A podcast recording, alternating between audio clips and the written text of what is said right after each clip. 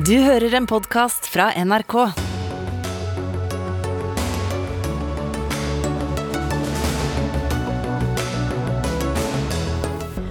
I åtte timer har de sittet samlet. Fortsatt forhandler SAS med sine egne streikende flygere. Flere film- og TV-priser slutter å dele inn i kjønnskategorier. Tidligere filmdirektør advarer mot utviklingen. Hvis prisene blir kjønnsnøytrale, kommer nesten bare menn til å få dem, tror hun.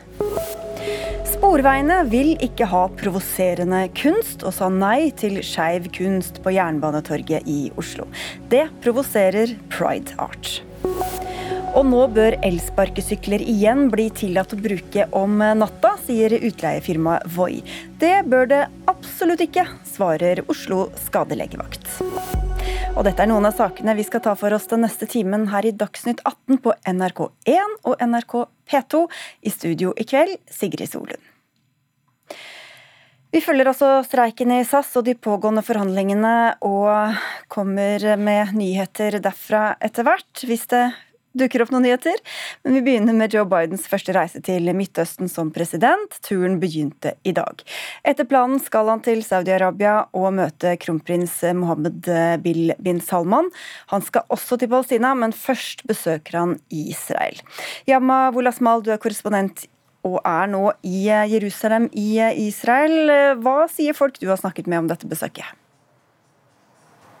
Det er ganske laber eh, stemning eh, hos eh, vanlige israelere og palestinere som vi har snakket med de siste dagene på begge sider av konflikten. Folk trekker litt på skuldrene over besøket, og hovedgrunnen til det er at rådgiverne til president Biden har vært ganske klare på at de store diskusjonene om Israel-Palestina-konflikten, tostatsløsningen, kommer ikke til å bli tatt opp under dette besøket. og Det har gjort at interessen rundt besøket hos vanlige vanlige israelere og palestinere har falt voldsomt. Men eh, han reiser jo da altså til Israel eh, som første stopp. Hva betyr det for eh, israelerne? Altså, det er alltid viktig uh, hvilket land uh, en amerikansk president legger besøket sitt til. og Det at Israel er det første landet han besøker på turen til Midtøsten, betyr enormt for uh, israelerne. Det viser hvor viktig Israel er. Hvis man ser på programmet til Joe Biden mens han er på besøk her, så ser vi at han, bruker, han tilbringer halvannen dag i Israel for å besøke ulike prosjekter og holde samtaler med israelske ledere. og for å og da Når han drar til den palestinske siden, så skal han bruke to-tre timer. og Det sier litt om posisjonen Israel har. og Det er israelske ledere veldig opptatt av i kveld. Å formidle til sin egen befolkning at se, så viktig er vi for USA. Amerikanerne bruker mest tid med oss og eh, tar et høflighetsbesøk til palestinerne.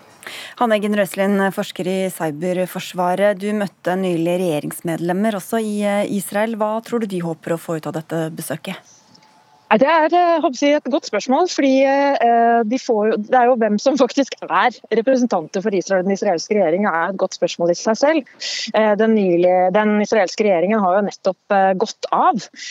Så vi går mot et nyvalg i Israel igjen den 1.11. sånn at de regjeringsmedlemmene som er der nå, er ikke nødvendigvis hva skal vi kalle det en, sånn sett, de er bare en fungerende regjering. da. Men Joe Biden er jo sånn som også Yama sier her, det er jo viktig at han kommer til Israel først. og Han er jo en selverklært ikke ikke-jødisk sionist. Er jo, han er jo veldig aktivt pro-Israel, så det er jo ikke en veldig annerledes linje enn Trump sånn sett han følger. Så Det store her er jo både en sånn symboleffekt, man sier jo at han reiser hit for å vise nettopp hvilken binding han har til Israel, og så er det aller mest å få i gang en allianse. For Det nye hva skal jeg kalle det, prosjektet som, eh, som, kommer opp nå, er jo det å bygge en allianse i eh, for å bruke litt skarpe ord, kampen mot Iran. Israel-Palestina-saken er jo konflikten er sånn bare blitt en detalj som de ikke forholder seg så mye til. sånn at Nå er det i mye større grad å bygge allianser for bekjempelse nærmest da, av Iran, Irans nettverk, atomprogram. sånn ting. Ja, og Hva betyr det? Hva er det de skal diskutere da når de møtes? Nei, I veldig stor grad så eh, dreier jo dette seg om eh, altså la oss ta det, Hvis man hører på hva israelske politikere sier nå eh, En av de jeg møtte nylig, var jo forsvarsministeren. Man får han nesten ikke tale om Israel-Palestina, men han snakker om å gå og bekjempe Iran, og det gjennom allianser. Han eh, bruker veldig mye tid på f.eks. å si at vi er ikke så opptatt av Hizbollah, vi er ikke så opptatt av disse eh, i gåstegn, altså i hermetegn smågrupperingene. Nå er ikke Hizbollah en liten gruppering, men en ikke-statlig gruppering som Iran på en måte orkestrerer. Eh, så vi må gå inn eh, og få med seg et større, en, større, en, ganske stor allianse som følger ikke-tradisjonelle skillelinjer for å kunne eh, stå opp mot Iran. Israel opplever seg virkelig ikke som hva skal vi si, De klarer ikke å stå opp mot Iran alene og trenger en større og bredere allianse. USA er en av de partene. Men Yama, hva er reaksjonene hos palestinerne når de tydeligvis blir sett på som så lite viktig at ikke engang Palestina-spørsmålet kommer på agendaen?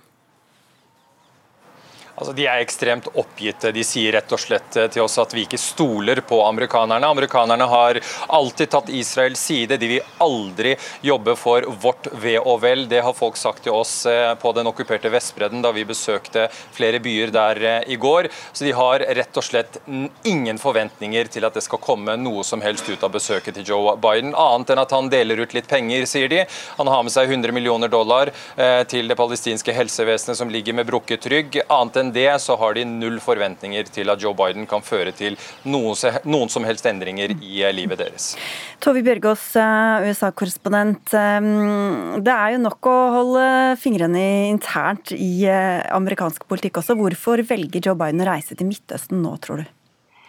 Det er jo ofte slik at amerikanske presidenter tar en sånn litt lengre utenlandsreise om sommeren. for da er det litt roligere hjemme. Nå pågår bl.a. disse kongresshøringene om det som skjedde 6.1 i Washington. og det eh, trenger jo ikke Biden å følge så nøye med på. Det er bedre for han å følge med på kritikken som Trump får eh, der. Eh, men i tillegg så, så, har han også veldig mye motbør nå på hjemmebane med bl.a. den høye prisveksten, økonomien, dårlig oppslutning blant sine egne demokrater. og Da kan kanskje en sånn tur styrke han litt. Han, eh, altså han er jo, en, som dere er inne på, en veldig klar Israel-venn.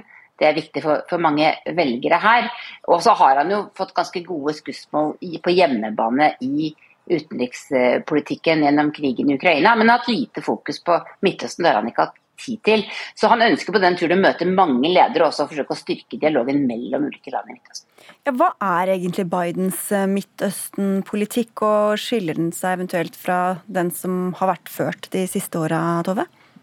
Han er jo en ganske sånn klassisk eh, demokrat på den måten og ligner jo på eh, det som Hillary Clinton eh, ville vært. Mens for eksempel, altså med, Trump var det noe helt annet. Trump flyttet bl.a. den amerikanske ambassaden til Jerusalem. Men han, han, er en veldig sterk Israel-venn, Biden. og det som vi snakker her om, at han ikke skal bruke så mye tid med, med palestinerne. Eh, det er viktig for ham å, å møte israelerne og vise den støtten. Eh, og nå er jo heller ikke Netanyahu statsminister i Israel lenger. og det eh, tror jeg også kanskje Biden syns det er lettere å komme på besøk eh, nå. Og så skal, skal, han også til Saudi-Arabia, han Eggen Røiselien. og der er det ganske mange som er spente på hva han vil snakke om. og Hva er egentlig bakteppet for dette besøket? Det er veldig interessant. Denne reisen er jo det hele tatt ganske interessant, fordi det er ikke hva skal jeg si, den klassiske Midtøsten man møter i forhold til at Israel-Palestina-konflikten. Og så har vi da sunni-shia-skillelinjer. Eh, vi må også trekke inn eh, krigen her, for å forstå hva både Biden holder på med, og også Israel-Palestina, nei, israelerne. Fordi at eh, Ukraina, invasjonen av Ukraina har jo medført bl.a. høyere energikostnader kostnader. og som, En av de landene som rammes sterkest av det, er jo amerikanerne. Eh, og eh, ha en annen type, hva skal vi kalle en annen form for dialog med Saudi-Arabia når det kommer til oljepriser og olje energiutvinning i verden, er uten tvil en del av det som israelerne ønsker, og, eh, nei, som Biden ønsker å, å diskutere. Og Hva slags kort eh, har da Saudi-Arabia fått nå som du sier som oljeprisene er så høye? Det er jo en viktig oljeprodusent sjøl. Ja, ikke sant? Det er jo eh, hvorvidt man skal gi Saudi-Arabia det store kortet som det nødvendigvis kan være. Det er et veldig stort potensial for saudi-araberne i dette. her. Men det er jo én dimensjon selvfølgelig når det gjelder oljepris og energiutvinning, som da saudi-araberne gjerne griper med begge hender. Men den andre er jo også det at Eh, det er Iran, si, Iran mot resten. Det at det er den alle, alle, mot Iran, har også en ganske stor innvirkning på hvilke allianser man bygger nå. Under den siste eh, pandemien da, som vi har hatt nå, så har vi jo bl.a. fått noen ganske skjeve, skjebnesvangre, i hvert fall eh, paradigmeskiftende forhandlinger og avtaler israelerne med de arabiske emiratene.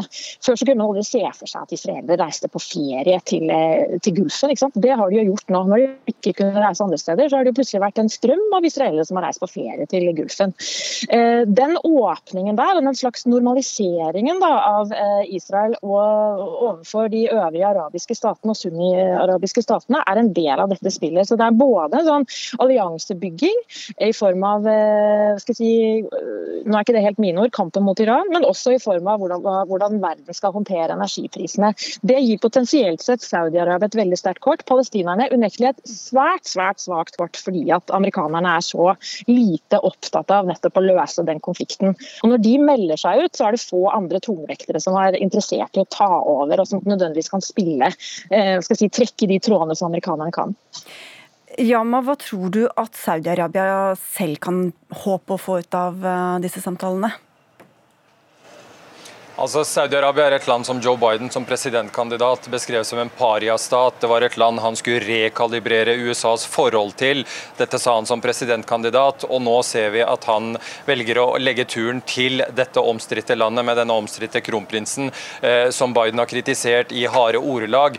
Selvfølgelig sitter saudiarabiske ledere og gosser seg nå over at amerikanske presidenten eh, må komme på besøk dit pga. krigen i Ukraina, som vi har hørt, som har gjort at oljeprisen har skutt i været. Viktigheten av Saudi-Arabia har kommet opp, og saudierne bruker dette for alt det er verdt. Det er et land som har vært en veldig viktig eh, strategisk partner for amerikanerne gjennom 70 år. Det er et av få oljeproduserende land som har en enorm kapasitet til å pumpe opp ekstra olje under verdenskriser. og det er, det, eh, det er en av grunnene til at Biden drar dit, for å overtale saudierne til å pumpe mer olje, for på sikt å kunne stabilisere oljeprisen. For det er få ting som straffer amerikanske presidenter mer fra velgernes side enn høye oljepriser. Og med et mellomvalg eh, som eh, kommer til høsten, så er Biden helt avhengig av å ta grep rundt oljeprisen. Det høres ut som vanskelige balanseganger, Tove Bjørgaas. Hva er det Biden må passe på nå på denne, på denne rundturen?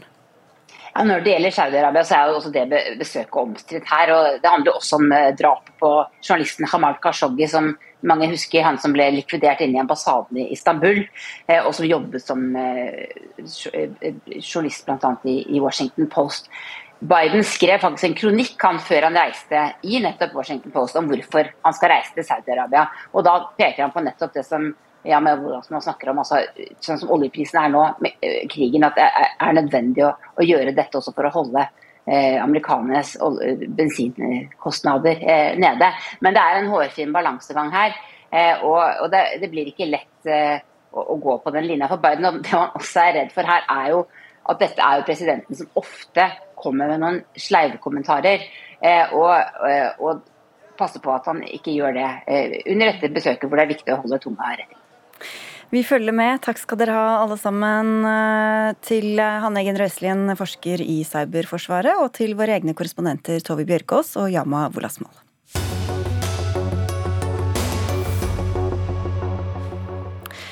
Så til deg, reporter Tore Tollersrud, du er i Stockholm der partene i SAS-streiken sitter samlet. Hva skjer om noe?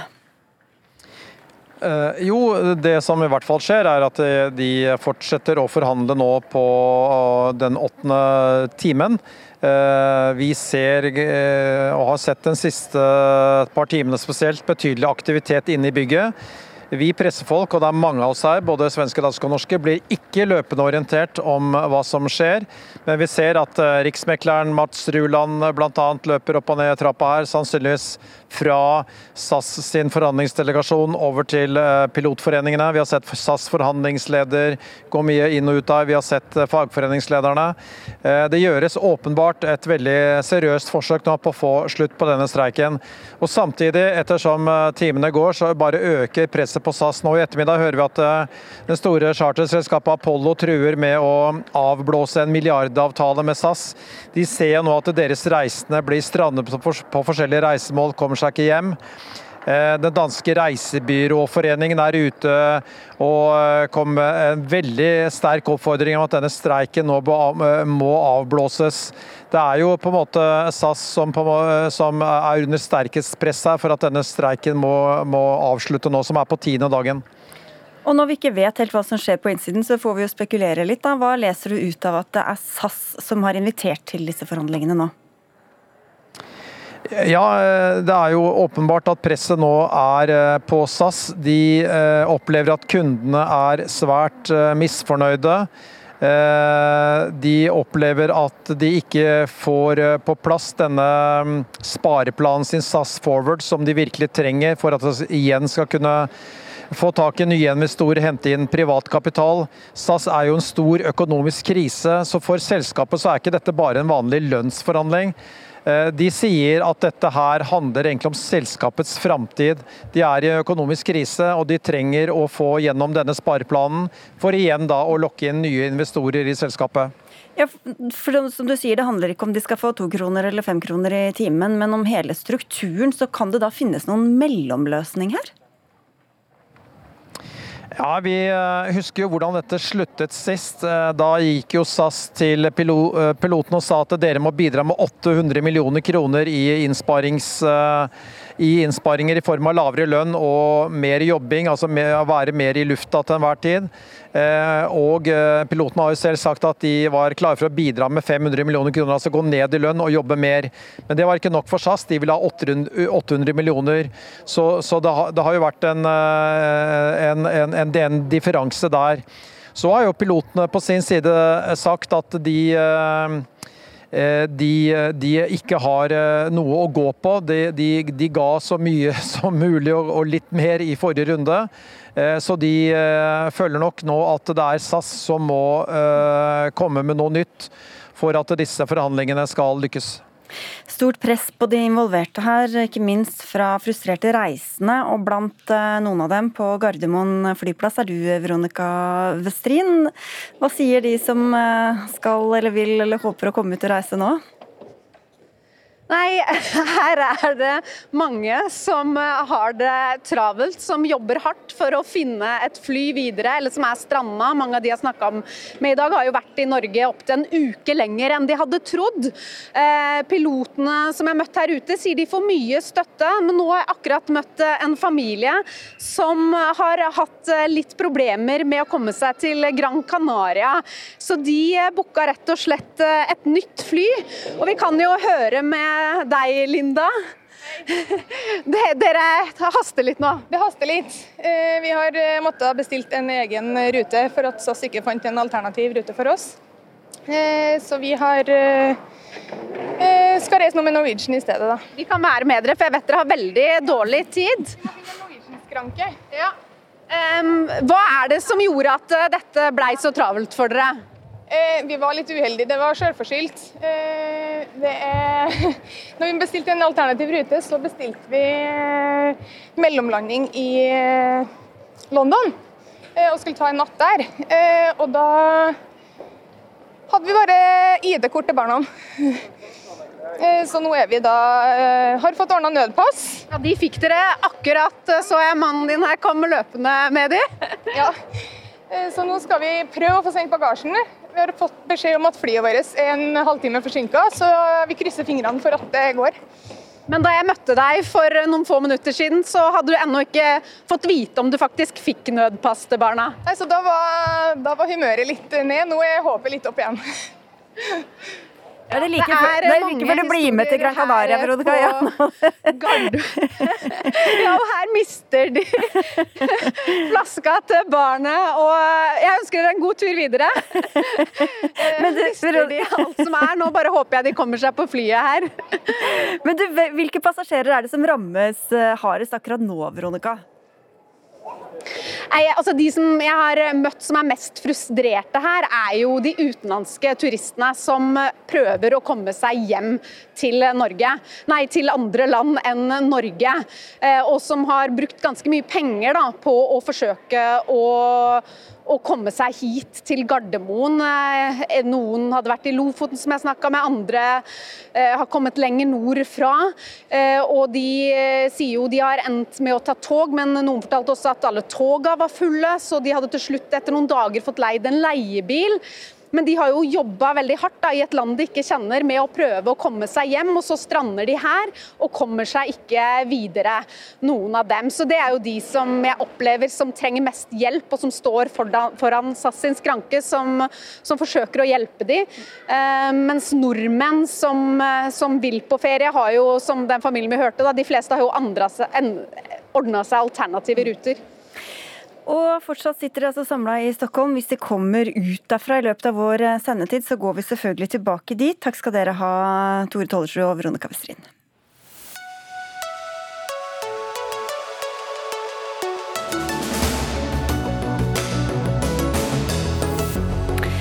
Da nominasjonene til TV-prisen Emmy ble klare denne uka, så var de som vanlig delt inn i kjønn og kategorier.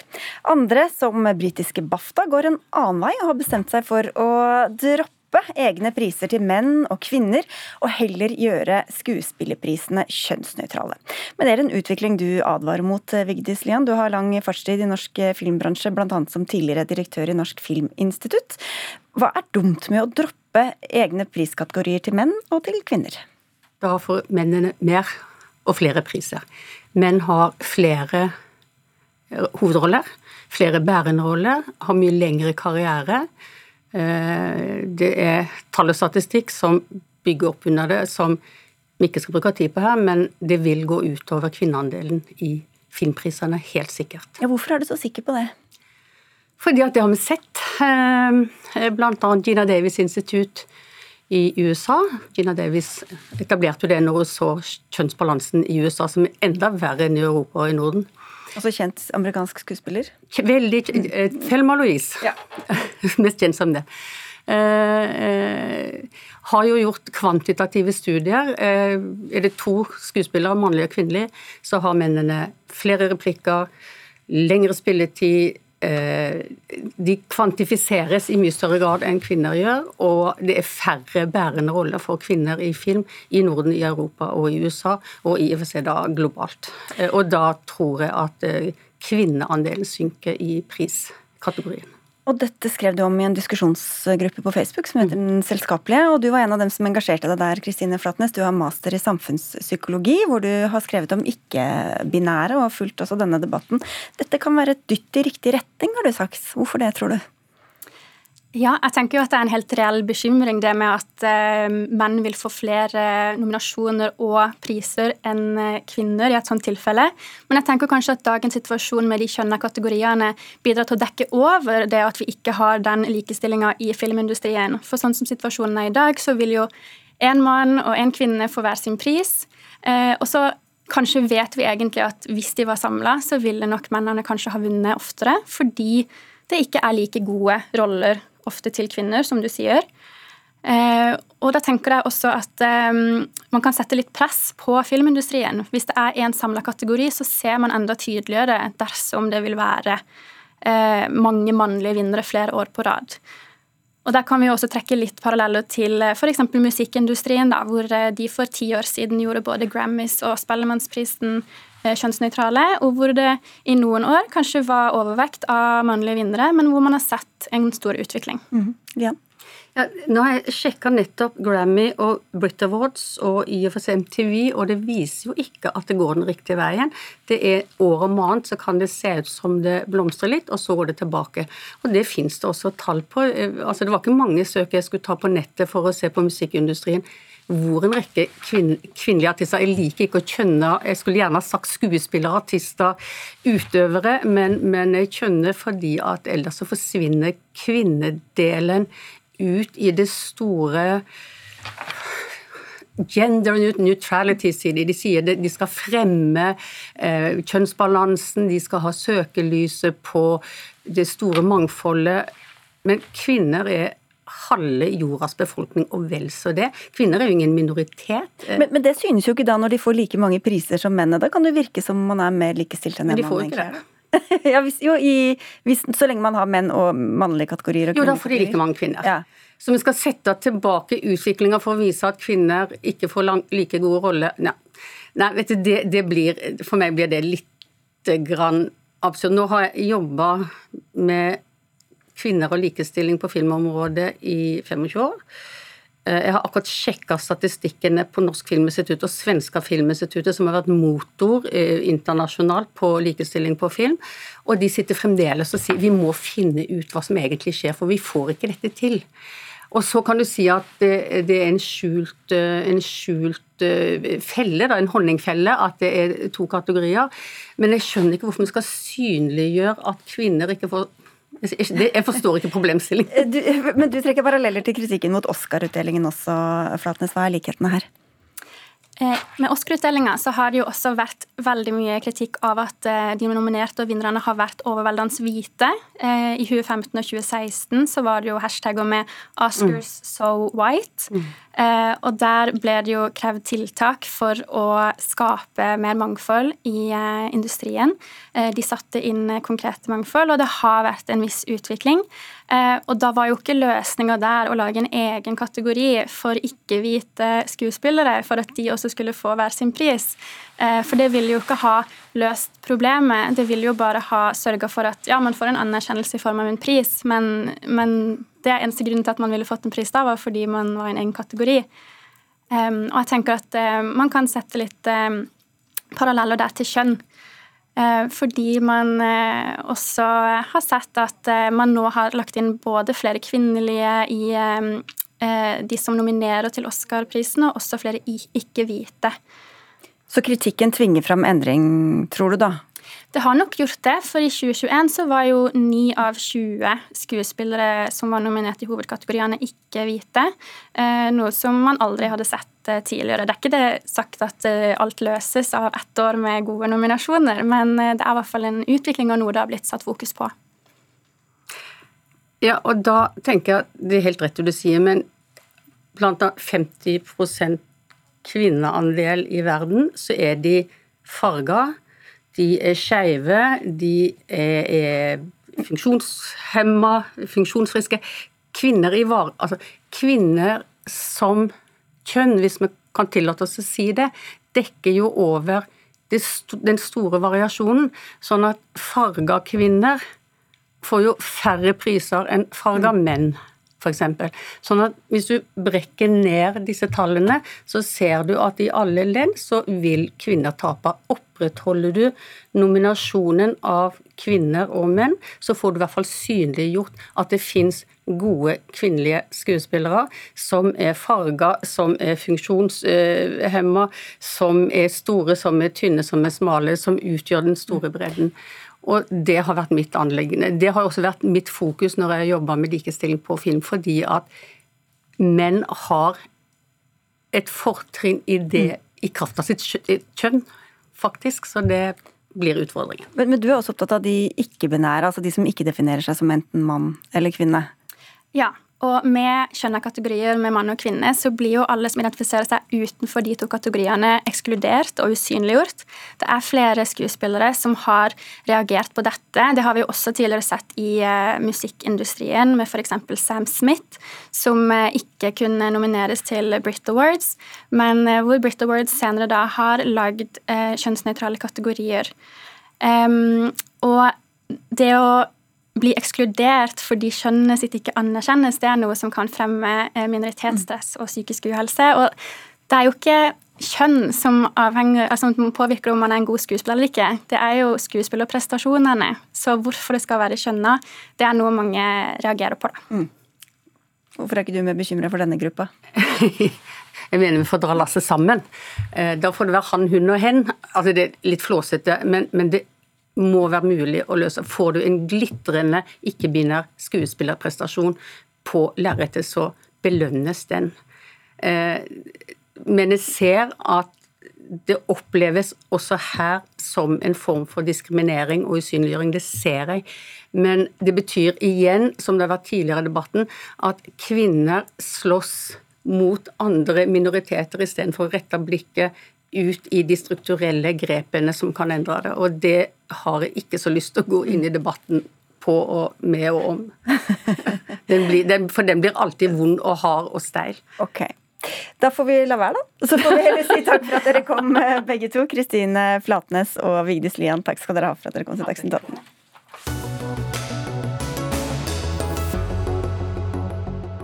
Og snart her i Dagsnytt 18 spør vi om det er på tide å igjen kunne bruke elsparkesykkel om eh, natta i store norske byer, men først skal vi til en enda større by, nemlig London.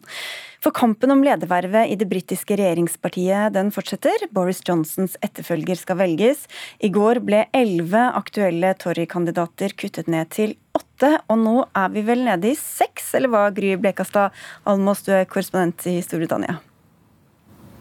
Jo da, det er riktig det. Det er to menn og fire kvinner igjen i konkurransen om å bli Storbritannias neste statsminister og da leder av det konservative partiet. Og det var for en knapp halvtime siden at lederen av 1922-komiteen, som den heter, i parlamentet kunne kunngjøre at det er eh, den nylig avgåtte finansministeren Rishi Sunak som har fått flest stemmer fra de eh, konservative politikerne i parlamentet. Og på andreplass så eh, ligger foreløpig da Penny Mordant, som har fått eh, overraskende, vil mange si, eh, mange stemmer og stor støtte. Og hun har hatt en veldig god dag i dag. For en meningsmåling Jugov har gjort blant medlemmene av det konservative partiet, de som til slutt skal bestemme hvem av de to finalistene som blir valgt, som skal få jobben som ny statsminister, der er det hun som leder soleklart eh, over alle de andre kandidatene. Og der kommer Rishi Sunak eh, eh, på en tredjeplass med eh, veldig mye færre eh, andel av stemmene. Så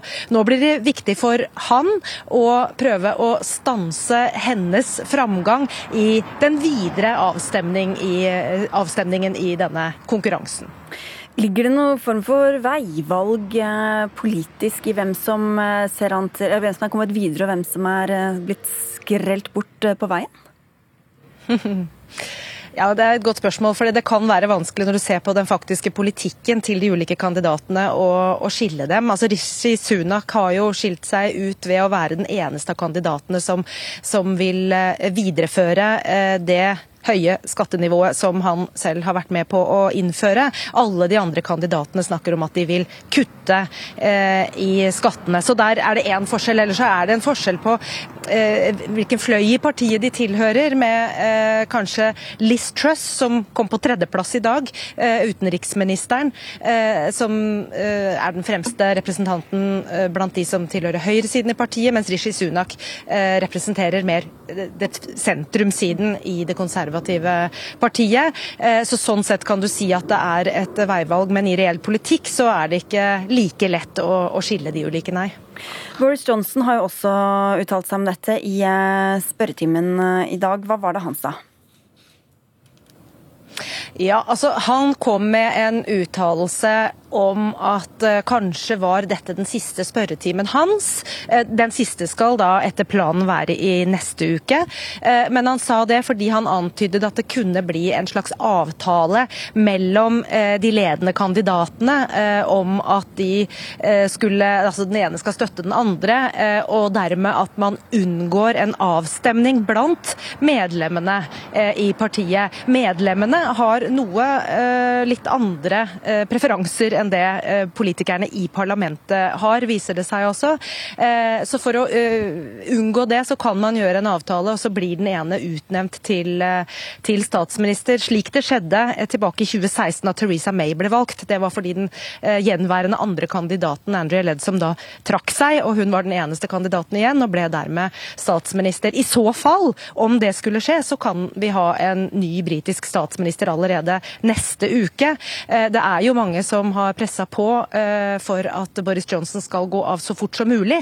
Eh, nå er tidsskjemaet som er lagt eh, slik at den 5. september så skal avstemningen blant medlemmene være ferdig, og en ny statsminister utnevnes. Og den 6. september skal nøklene til Downing Street nummer 10 overtas. Så får vi se.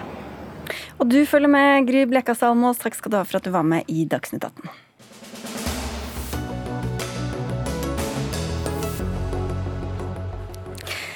To nakne menn som kysser, halvnakne kvinner i et slags variant av Jesus siste måltid. Det er kunst som T-banereisende på Jernbanetorget i Oslo kunne fått se, men som ble for provoserende for Sporveien.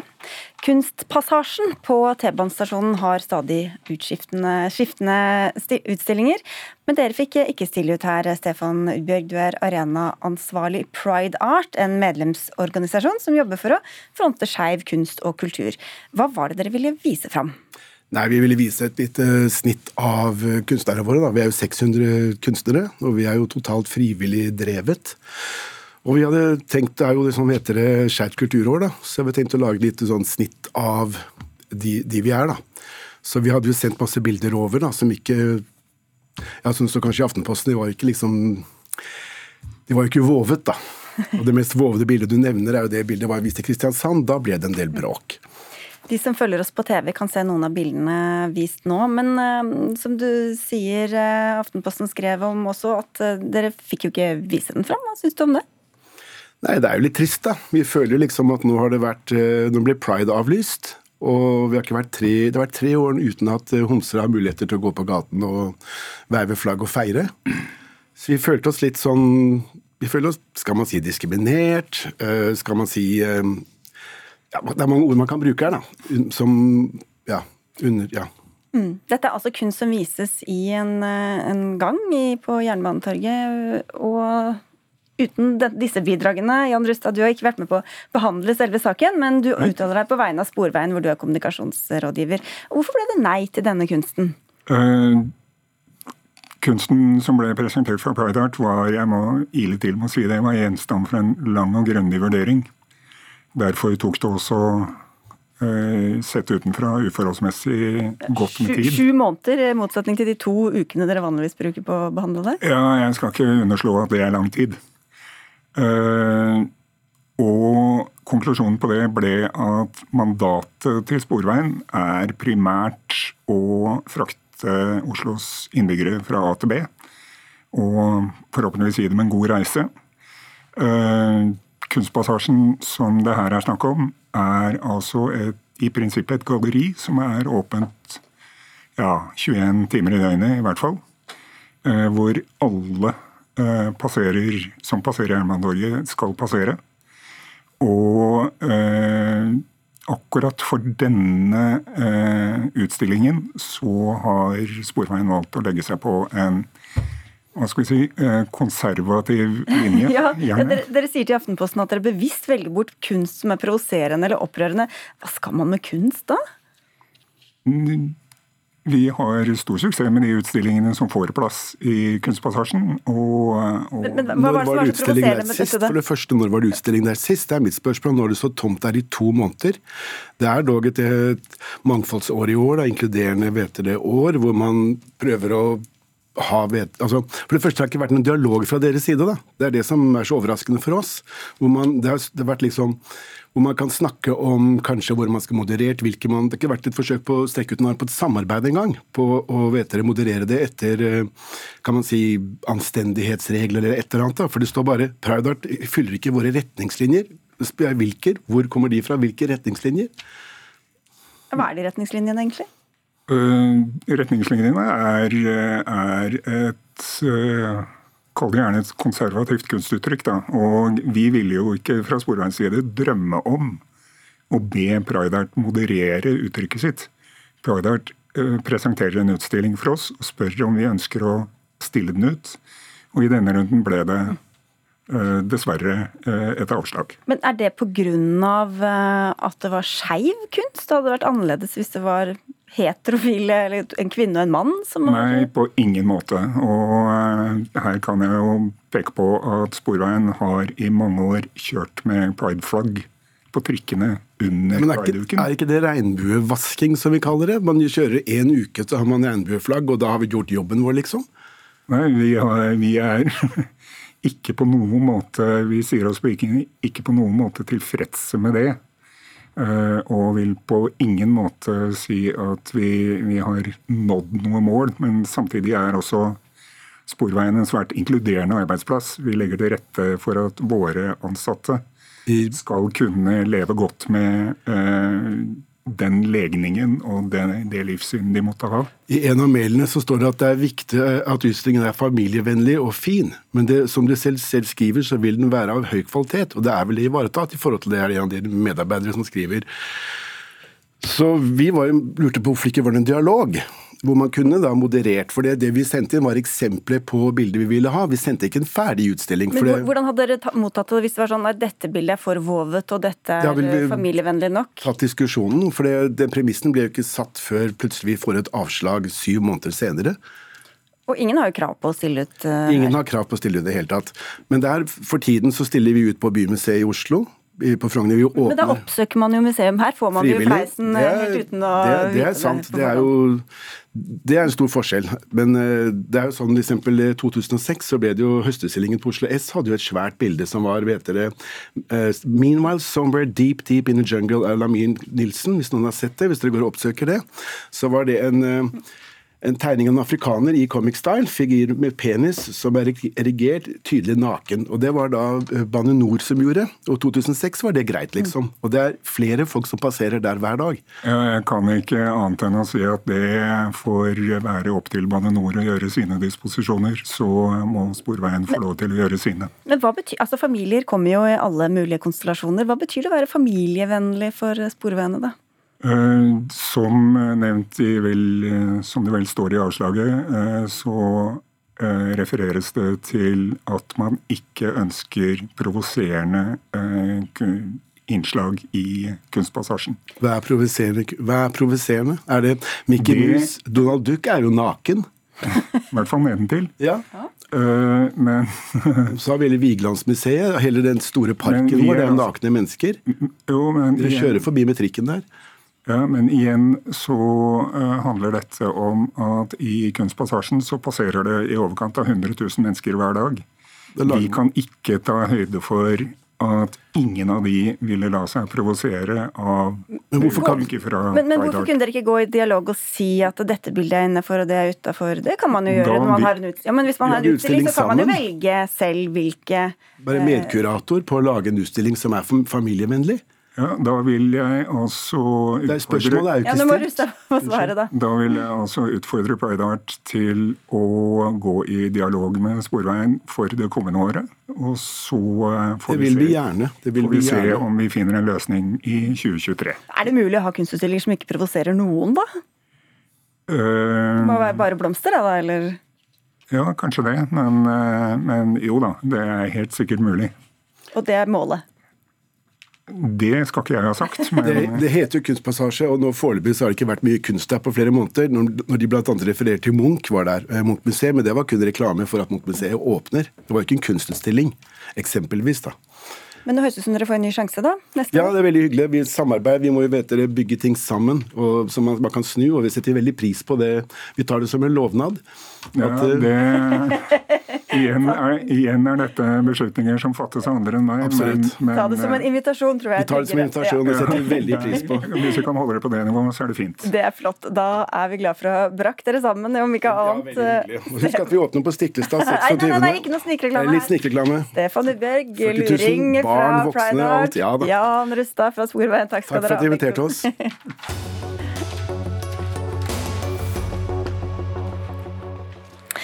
Har du barn eller ungdommer i huset, har du kanskje allerede registrert at høflighetsuttrykket 'nei takk' er på vei ut. Flere ungdommer forteller til eh, NRK at de heller formulerer seg annerledes. I stedet for å avslå en is, eller snarere en brokkoli, ved å si 'nei takk', blir du kanskje heller møtt med 'det går bra'.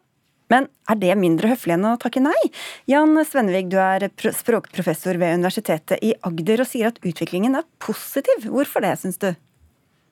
Ja, det er iallfall ikke noe uh, veldig negativt i det. Uh, nei takk er jo bare et avslag, og det er måten vi vanligvis uh, sier nei til ting på.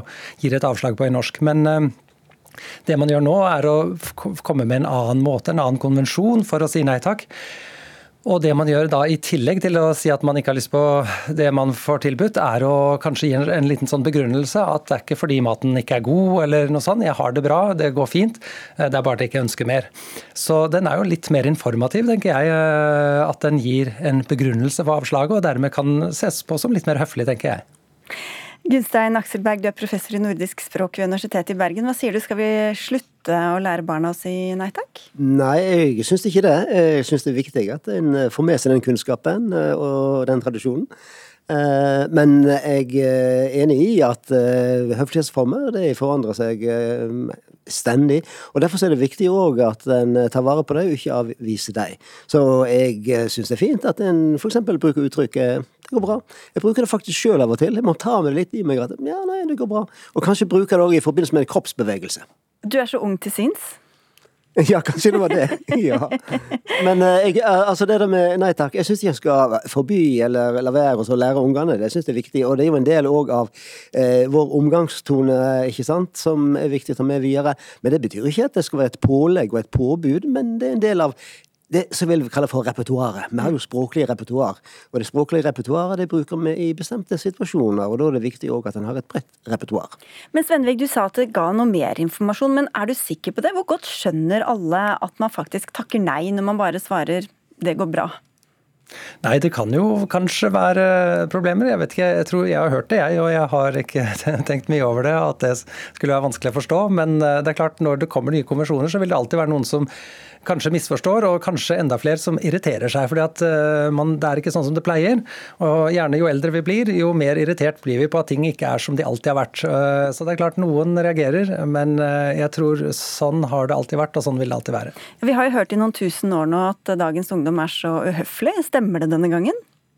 Nei, altså jeg tenker jo ikke det. Og det er klart man kan jo godt lære folk til å si eh, takk, det går bra, eller takk, eh, det, det holder. Så man kan godt legge inn et takk der, det er ikke noe galt i det. Eh, men nei, jeg tenker ikke at dette her verken er mer eller mindre høflig egentlig i seg selv. Det er bare en ny konvensjon, en annen måte å svare på. Som, som brer seg jo, som helt typisk, brer seg fra, de, fra, ungdommen, og så brer det seg oppover i aldersgruppene hvis, hvis det på en måte slår an og, og ja, at folk aksepterer det. Ja, hva tror du, Akselberg, hvor lang tid tar det før 40-åringer eh, og 50-åringer og 60-åringer også slutter å si nei takk og si nei, men det går fint? Jeg, jeg tror i sånne tilfeller som dette her, at det oppstår noe nytt, så har en alltid en periode der en har begge fenomen samtidig.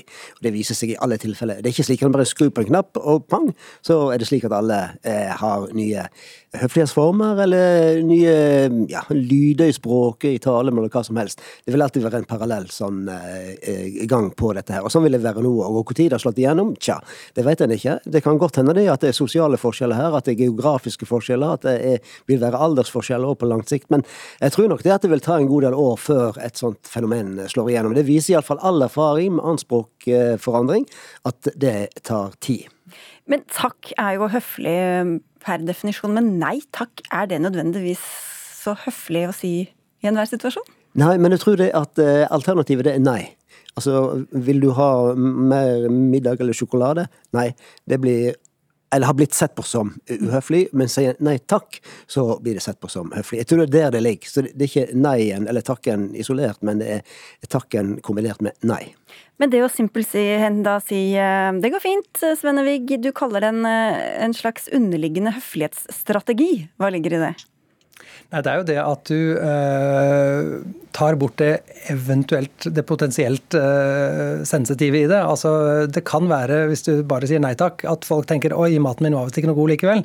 Så hvis man sier takk, det, det går fint, jeg er forsynt og sånn, hvis man begrunner avslaget, så er det klart at da tar man bort mulige feilslutninger om at eh, maten var ikke noe god. Og som mye annet språk, så kommer det kanskje fra det store utland? Jeg vil tro det. Altså, på fransk så kan man, sier man gjerne 'merci, ça va'. Takk, det går bra. Eh, og jeg tror også på engelsk 'thank you, I'm fine, I'm good'. Eh, så jeg tror nok at det er stor sannsynlighet for at dette her er et slags sånn oversettelseslån fra engelsk. Mm. Aksel Berg, går det an å kontrollere hva som skal få gjennomslag i språket, da? Nei, det er veldig vanskelig. og En lager jo ofte hypoteser, ikke sant, og en prøver å formulere regler og sånn, men som regel så, så holder jo ikke det alltid, da. Og, og når det gjelder med konvensjon, så tror jeg nok det at Det vil ta tid, ja, det vil det. Men etter hvert så ikke, ligger ikke noen forklaring i det heller. Altså, når en sier at ja, tja, det går bra, så er det vel like uforklarende det som å si nei takk, eller ja takk, eller takk. Da kan jeg i hvert fall si takk til eh, dere begge for at dere var med i eh, Dagsnytt 18. Jan Svennevig Det går fint. Språkprofessor ved Universitetet i Agder, og Gunstein Akselberg, professor i nordisk språk ved Universitetet i Bergen.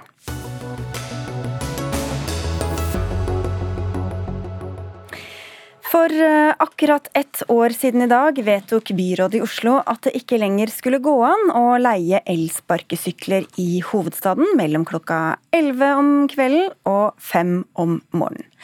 Det tok ikke lang tid før flere av de største byene i landet fulgte etter.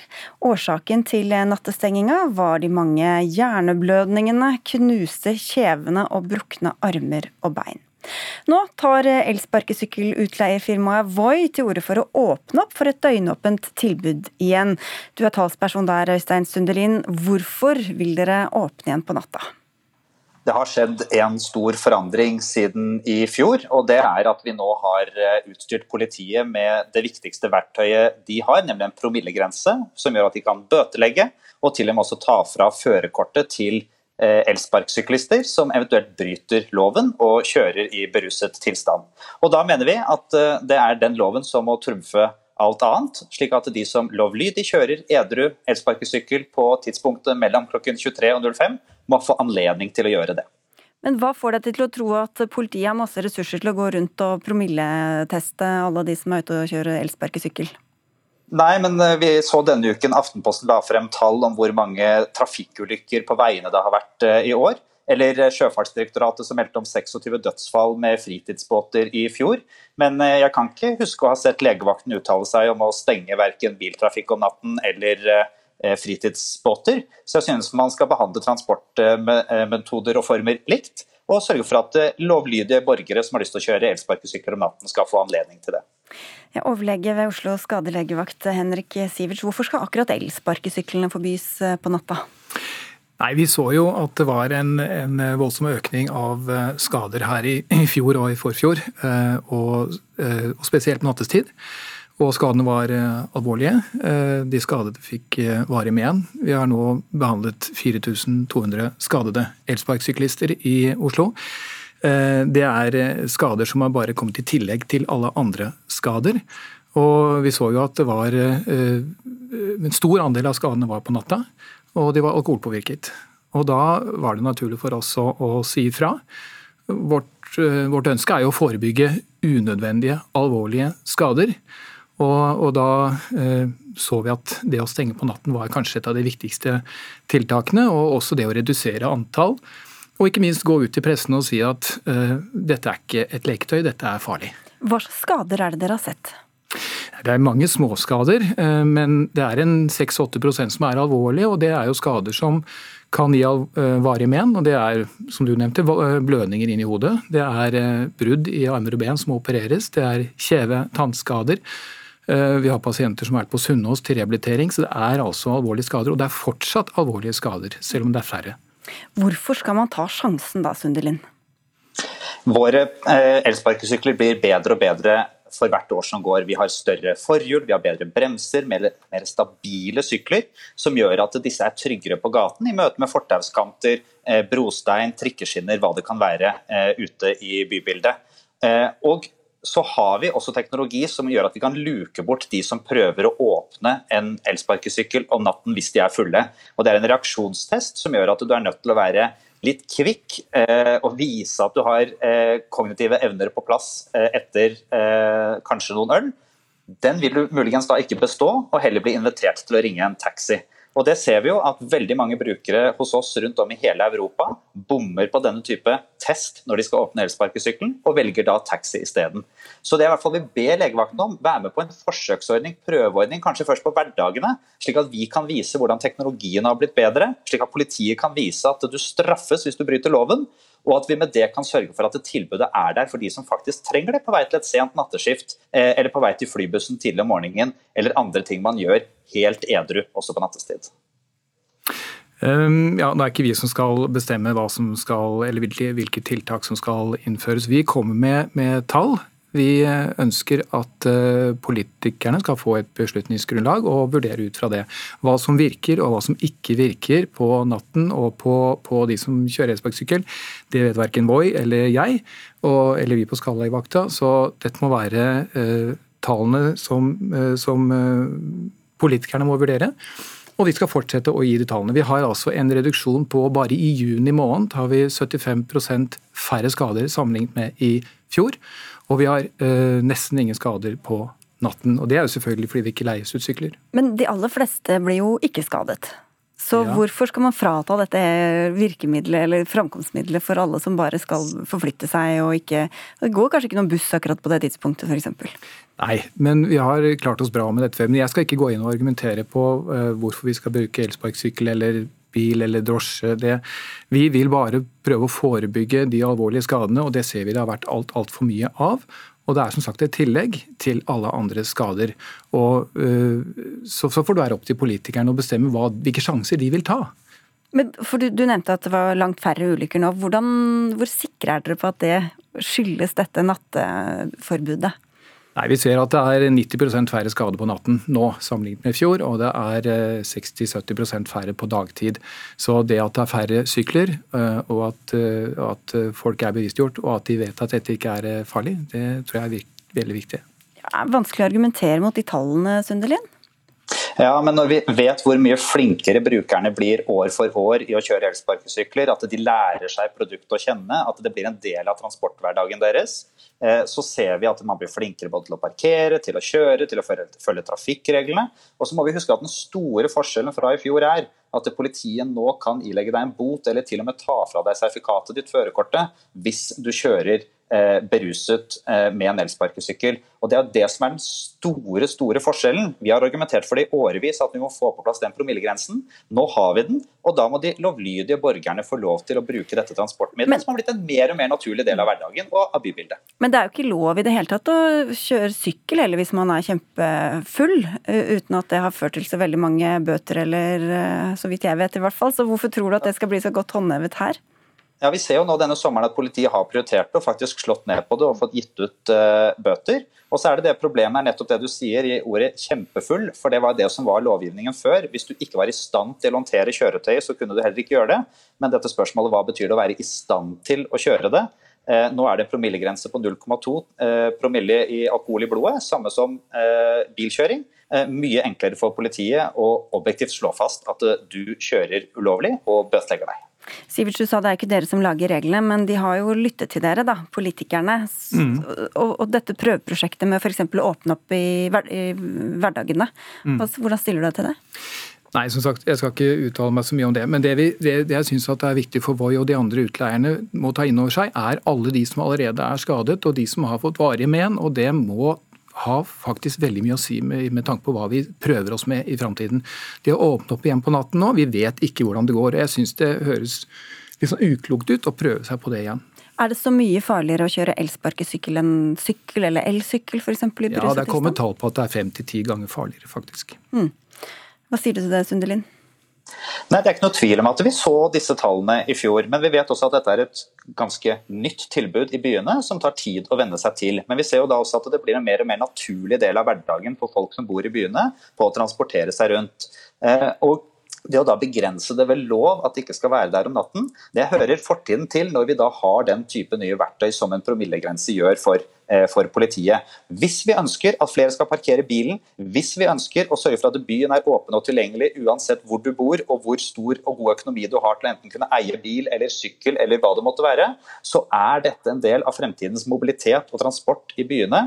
Og da er vi nødt til å gå denne teknologien i møte med gode reguleringer, ikke forbud som det natteforbudet nå har vært det siste året. Men nå sier du at man blir flinkere til å håndtere disse mm, elsparkesyklene, men så kommer det jo stadig nye til. Da. Det er vel veldig mange unge mennesker som bruker dem, som ikke er kjent i trafikkbildet, som ikke er vant til å kjøre det ene eller det andre, og som også risikerer å kjøre på andre. Det er jo ikke alltid bare dem selv det går utover, så hvorfor skal vi ta den risikoen på vegne av alle, hele samfunnet?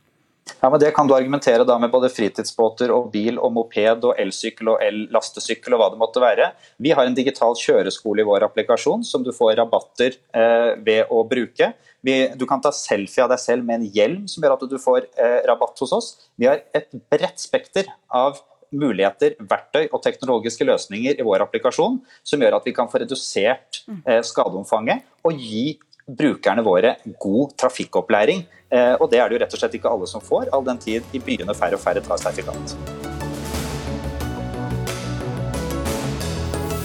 Du har hørt en podkast fra NRK.